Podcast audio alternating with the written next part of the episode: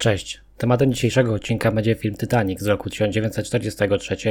Czym różnił się od wersji Jamesa Camerona, dlaczego naziści nakręcili ten film oraz jaki los czekał jego reżysera, to wszystko w dzisiejszym odcinku Ekspozycja Podcast. Naszą historię należy zacząć w roku 1933. Wtedy w Niemczech do władz dochodzą naziści. Tutaj również pojawia się, niestety, ale czołowa postać naszej historii. Joseph Goebbels związany był z ruchem nazistowskim już od roku 1924, ale to właśnie po objęciu władzy w Niemczech przez nazistów jego ranga wzrasta. Goebbels w tym roku obejmuje urząd ministra propagandy. Zaczyna organizować wiece, parady, prowokacje, przejmuje radio, teatry oraz kino. Tutaj pojawia się również pytanie, jaki w zasadzie stosunek naziści mieli do kina. Niestety, ale bardzo entuzjastyczny hitlerowcy momentalnie zwietrzyli propagandowy potencjał kina, zauważając jego mocne strony oddziaływania na masy. Co na to filmowcy?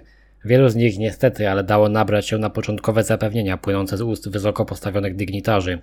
Adolf Hitler powiedział, i tutaj cytat, budzi mój wstręt przemycanie polityki pod płaszczykiem sztuki. Goebbels w swoim przemówieniu jako przykład podał kilka filmów, m.in. Pancernik Potiomkin Eisensteina czy amerykańską wersję Anny Kareniny z roku 1935. Twórcy tych filmów nie mieli aryjskich korzeni, więc wielu filmowców uznało, no hej, no może nie będzie aż tak źle. No było tragicznie i bardzo szybko się to zmieniło. Zmiany rozpoczęły się już w roku 1934. Wtedy rozkazano wiązać sztukę z, jak to nazwano, rzeczywistością, która ma być bliska narodowi. Wprowadzono ośmiostopniową klasyfikację, a w filmie mogli pracować tylko przedstawiciele narodowości niemieckiej. W tym czasie również rozpoczyna się jeden z największych kryzysów w historii niemieckiego przemysłu filmowego. Wielu filmowców i aktorów wyjeżdża z kraju, a niektórzy, którzy zostali, często byli zakazywani przez nowe władze. Reszta z racji mniejszej konkurencji zaczyna domagać się większych pensji. Na dobicie zmniejszył się również eksport filmów i to o ponad 30%. Coraz więcej kin zaczyna bankrutować, zwłaszcza, że w 1939 kin było ponad 5,5 tysiąca. Większość filmów z tego okresu najczęściej koncentrowała się wokół pokazywania rzekomej potęgi Rzeszy oraz oczywiście poniżaniu Żydów. To właśnie wtedy zaczyna powstawać coraz więcej czysto propagandowych filmów. Tytuły takie jak Żyd Sus, Wieczny Żyd czy Triumf Woli mówią same za siebie. Nie trudno zgadnąć o czym i w jaki sposób opowiadają. Najprawdopodobniej tak by zostało, gdyby nie jedno wydarzenie. Wraz z niemiecką ofensywą los Francji stawał się coraz bardziej przesądzony. W roku 1940 Francja poddaje się. Nadal jednak walczą sojusznicy Francji, Brytyjczycy.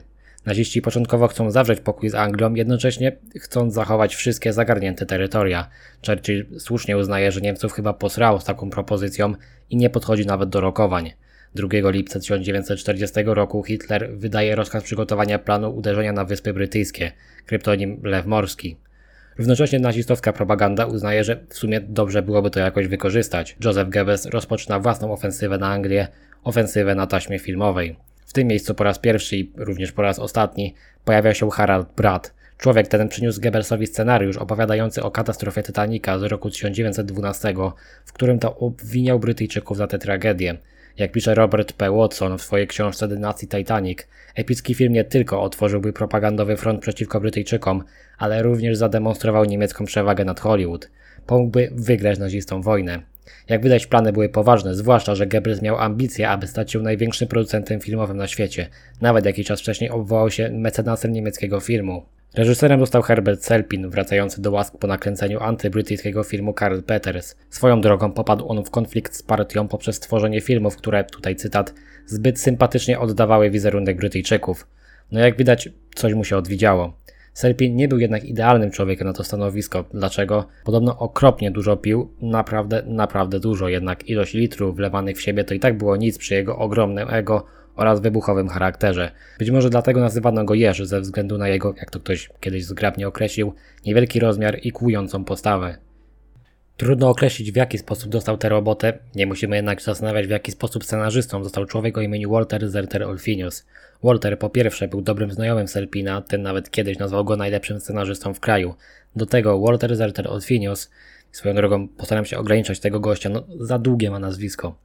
W każdym bądź razie, Walter był również fanatycznie lojalnym nazistą, no i podobno był bohaterem wojennym oraz byłym oficerem wywiadu. Podsumujmy więc wszystko. Chodząca bomba w postaci reżysera, na dodatek pijana, plus fanatyczny nazista, autor scenariusza. Mieszanka prawdziwie wybuchowa, ale nie uprzedzajmy faktów. Walter poprawił scenariusz, Goebbels sypnął budżetem równym ponad 4 miliony ówczesnych marek, co według wielu wyliczeń dzisiaj równe byłoby około 180 milionom dolarów. Takie pieniądze rzucone pośrodku, przypomnijmy, największego konfliktu w historii, nie oszukujmy się, musiano wierzyć w ten projekt.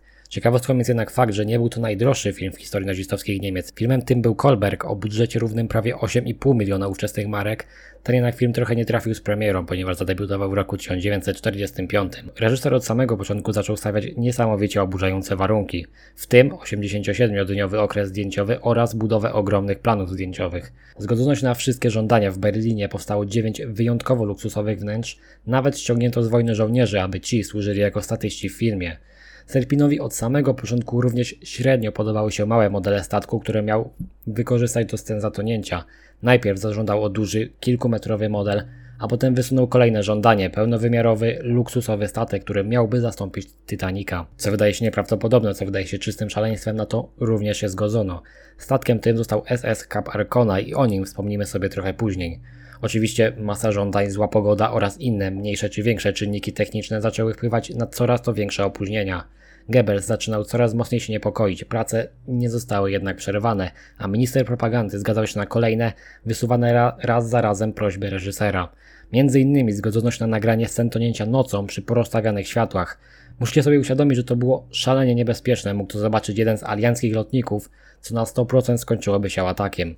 Niesamowite, ale na to również się zgodzono. Swoją drogą scenę na morzu kręcono na Bałtyku oraz w Gdyni, która wtedy, niestety, ale nazywała się Gotenhafen. Mniej więcej w tym momencie cały projekt powoli zaczynał iść na dno. Gdybym miał używać morskich metafor, powiedziałbym, że w tym momencie zaczął nabierać wody. Gdy ekipa przebywała w Gdyni, Selpin udał się do Goebbelsa, aby pogadać o pracach nad filmem. Wiecie, taki szybki update. W międzyczasie jednak ekipa zamiast naprawiać statek, organizować próby czy, nie wiem, kręcić sceny, niemiłosiernie się upiła. No i wyobraźcie sobie taką sytuację. Wracacie od spotkania z szefem, zwłaszcza gdy twoim szefem jest nazista, wbijacie na robotę i jednych kolegów musicie odciągać od kieliszka a drugich od broniących się kobiet. No, trudno się więc nie dziwić, że 15 maja 1942 roku Celpina szlag jasny trafił, zaczął krzyczeć na dowodzącego wtedy Waltera, rzucił m.in. słowami takimi jak ty i twoje zasrane żołnierzyki, czy mówiąc o pilotach, banda dupków i ugarzy. Rzucił on również parę nieprzyjemnych słów na temat niemieckiej machiny wojennej, nazwał ją, nazwał ją tchórzliwą oraz żałosną, a na dokładkę pożartował sobie z żelaznego krzyża dla bohaterów wojennych. I wiecie, może by ten wybuch jakoś darowano, zwłaszcza gdy mówi to reżyser filmu, na który wyłożyło się 180 baniek. Problem Selpina można rozbić na dwa czynniki. Pierwszym był sam Walter Zerter Olfinius. Nie tylko był on bohaterem wojennym, no co wy, był on również szpiegiem podstawionym, aby monitorować Selpina dla reżimu. Walter nie zamierzał odpuszczać i reżyser wezwany został przez Goebbelsa do Berlina, aby się wyjaśnić. Pomimo wszystkiemu, co można sobie myśleć, minister propagandy dał mu jednak szansę, aby wycofać swoje słowa. Tutaj jednak pojawia nam się drugi czynnik, który przesądził los Herberta Selpina.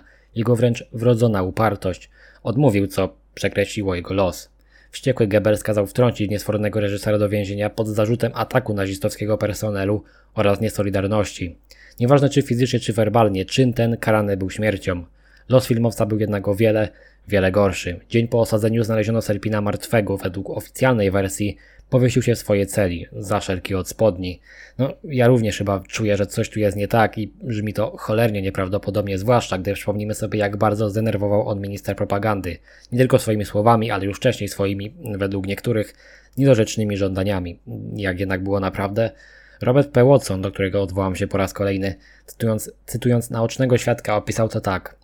Około północy w piątek 31 lipca 1942 dwóch strażników wszedł do celi Selpina i zaczęło wiązać szerki jego spodni do prętów okna. Przynieśli ławkę, po czym kazali Selpinowi stanąć na niej i chwycić pręty. Strażnicy zawiązali szerki wokół jego szyi, po czym zabrali ławkę. W tym momencie wszystko wskazywało na to, że projekt, niczym Titanic, nabrał wody i zatonął bezpowrotnie.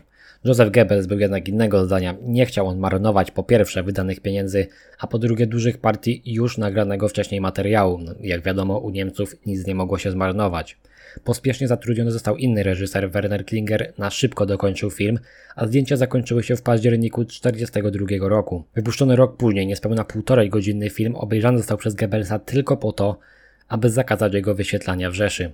Podsumujmy to jeszcze raz, spróbujmy to ogarnąć rozumem. 180 milionów dolarów, dwóch reżyserów, ogromny stres i to wszystko tylko po to, aby zakazać projekcji filmu. Specjalnie użyłem tutaj, specjalnie użyłem tutaj jednak wyrażenia zakazany w Rzeszy, ponieważ film miał swoją premierę w krajach okupowanych. Wracając tak do tematu, dlaczego Goebbels zbanował film Rzeszy, od pomysłu rzuconego w roku 1940 do faktycznej premiery, która wypadła w roku 1943, na wojennym stole zmieniło się no w zasadzie wszystko. W roku 1940, gdy naziści szli przez Europę jak burza, cywilom żyło się całkiem nieźle. Oczywiście, jeżeli tylko odpowiadał ci sposób rządzenia oraz ty odpowiadałeś rządzącym. Trzy lata później, tysiącletnia Rzesza zaczęła się sypać. Liczniejsze oraz coraz bardziej dotkliwe porażki sprawiały, że cywili średnio obchodziły filmy, coraz częściej trzeba było myśleć o sobie, o rodzinie, no ogólnie o życiu. Titanic, który w założeniach miał krytykować pazernych, nieodpowiedzialnych, niezainteresowanych cywilami oraz niekompetentnych Brytyjczyków, zaczął dosyć wiernie oddawać realia ówczesnego życia w Rzeszy. Podobno oficjalnie dotyczyło to scen związanych z panikującym tłumem, który mógł niekorzystnie wpłynąć na morale mieszkańców. Robert P. Watson pisze tak: Goebbels zdał sobie sprawę, że cały projekt był katastrofalną pomyłką. Opowiadał on o bezradnych pasażerach statku zarządzonego przez głupich przywódców. Film okazał się więc nie najgorszym filmem propagandowym, ale dla Brytyjczyków. Produkcja została więc skazana na wieczne potępienie oraz byt na kitrane gdzieś na lewo płytach DVD. Po raz pierwszy na serio powrócono do niego w roku 2005, kiedy to został odnowiony oraz ponownie wypuszczony. Jeżeli dziś chcecie go obejrzeć, nie ma z tym najmniejszego problemu. Dostępny jest na YouTubie, link postaram się umieścić w opisie tego filmu. Film dostępny jest nawet z polskimi napisami i tę wersję polecam bardziej. Wersja, którą łatwiej znaleźć, wersja z angielskimi napisami jest w okropnej jakości, a napisy fatalnie dopasowane do wersji filmu bardzo często po prostu zlewają się z tłem. Pomijając sprawę napisów, jak jednak dzisiaj oglądać ten film, zwłaszcza gdy możemy go porównać m.in. z filmem Jamesa Camerona oraz filmem z roku 58 zatytułowanego A Night to Remember, który swoją drogą został przetłumaczony jako SOS Titanic. No trudno, no widzieliśmy gorsze tłumaczenia. Wracając jednak do filmu z 43, trzeba przyznać, że jest on nieźle nakręcony. Główne wrażenie robią ogromne, bogate wnętrza, wypełnione po brzegi statystami. Naprawdę robi to wrażenie. Scena tonięcia statku również wygląda fajnie, pomimo tego, że statek to nie w całości. Dlaczego? To samo można zobaczyć w filmie SOS Titanic z roku 58. Jest to spowodowane tym, że o fakcie przełamania się statku dowiedziano się dopiero w roku 85, gdy odkryto wrak statku. Jeżeli ktoś jest ciekawy, na YouTubie można znaleźć materiały z tej wyprawy oraz wydanie wiadomości z 1 września tego roku. Dobra, ale jak jest z fabułą tego filmu? No, jak można się domyślać, tutaj również propaganda wręcz wylewa się z ekranu. Głównym antagonistą jest Joseph Bruce Ismay, dyrektor zarządzający White Star Line. Chociaż tak naprawdę obrywa się każdemu Brytyjczykowi według tego filmu, interesowała ich tylko gotówka. Pokazani są jako bezwzględni, chciwi oraz nieprzewidujący, no po prostu idioci. Głównym protagonistą, z którym podobno mamy się utożsamiać, jest pierwszy oficer Petersen, oczywiście narodowości niemieckiej, który oczywiście jako jedyny przeczuwa co może się stać i stara się stawić opór bezwzględnym Brytyjczykom. Postaci pozytywnych w ogóle jest tutaj niedużo. Pojawia się jeszcze jeden bohater, który również jest Niemcem. Pojawia się kobieta określona jako bałtycka kobieta. Na początku nie jest to postać pozytywna, ale później zaczyna współpracować z oficerem. Dobra, wiem, że na to czekacie. Co tutaj jest propagandą, a co faktami? Po kolei. Początek filmu to scena, w której obserwujemy spadające akcje firmy White Star Line. Za spadające akcje odpowiadać miał najbogatszy uczestnik podróży Jan Jakub Astor. Nie jest jednak to prawda, w momencie kiedy Titanic wypływał, akcje nie leciały w dół, a Astor nie próbował tego w żaden sposób zmienić. Propaganda uderza również w Ismaya, który przekupuje kapitana statku, Edwarda Smitha, aby ten płynął na pełnej prędkości, aby jak najprędzej przebyć Atlantyk, co w konsekwencji przyniesie im błękitną wstęgę Atlantyku. Błękitna wstęga to była nagroda przyznawana od roku 1860 dla statku, który najszybciej przepłynie ocean. Była to również całkiem niezła reklama, bo począca na maszcie wstęga przyciągała klientów chcących przemieścić się ówcześnie najszybszym statkiem na świecie. Oczywiście nigdy żadne przekupienie nie miało miejsca, Titanic w ogóle nie był nawet w stanie pokonać Mauretanii, która, którą wtedy wstęga wyróżniała.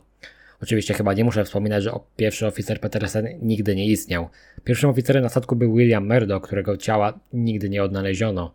W filmie Camerona popełniał on samobójstwo strzelając sobie w głowę, ale według wielu źródeł nie była to prawda. Z innej strony ciekawa jest sama ewakuacja. Niemcy, chcąc pokazać niekompetencje i brak zorganizowania Anglików, zrobili film, w którym i tak przedstawili ewakuację w całkiem niezłym świetle. Idzie im to o wiele sprawniej niż chociażby w filmie z 97. To dosyć ciekawe. Tutaj jednak trzeba zadać sobie pytanie, czy warto obejrzeć tę wersję Titanica.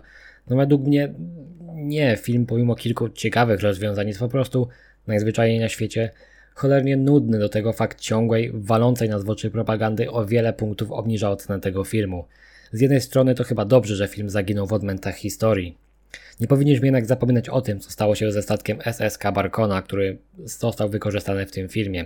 26 kwietnia 1945 roku na statek przeniesiono 6,5 tysiąca więźniów przeniesionych z obozu koncentracyjnego Neuengamme oraz około 400 więźniów, którzy przeżyli marsz śmierci z obozu Wesoła.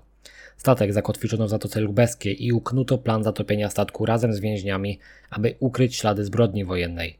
3 maja, krótko po godzinie 14, statek został zbombardowany przez pilotów RAF-u. Atak lotniczy przeżył około 1000 więźniów w sprawie, przypomnijmy, 7000. Według świadków jednak SS oraz marynarze Kriegsmarine otworzyli ogień do przebywających na morzu oraz późniejszych rozbitków, który, którym jakimś cudem udało się przedostać na brzeg. Z prawie 7 tysięcy przeżyć udało się tylko około 350 osobom. Statek, który w filmie odegrał rolę Titanica, podzielił jego los niestety, ale zabierając prawie 3 razy więcej istnień ze sobą.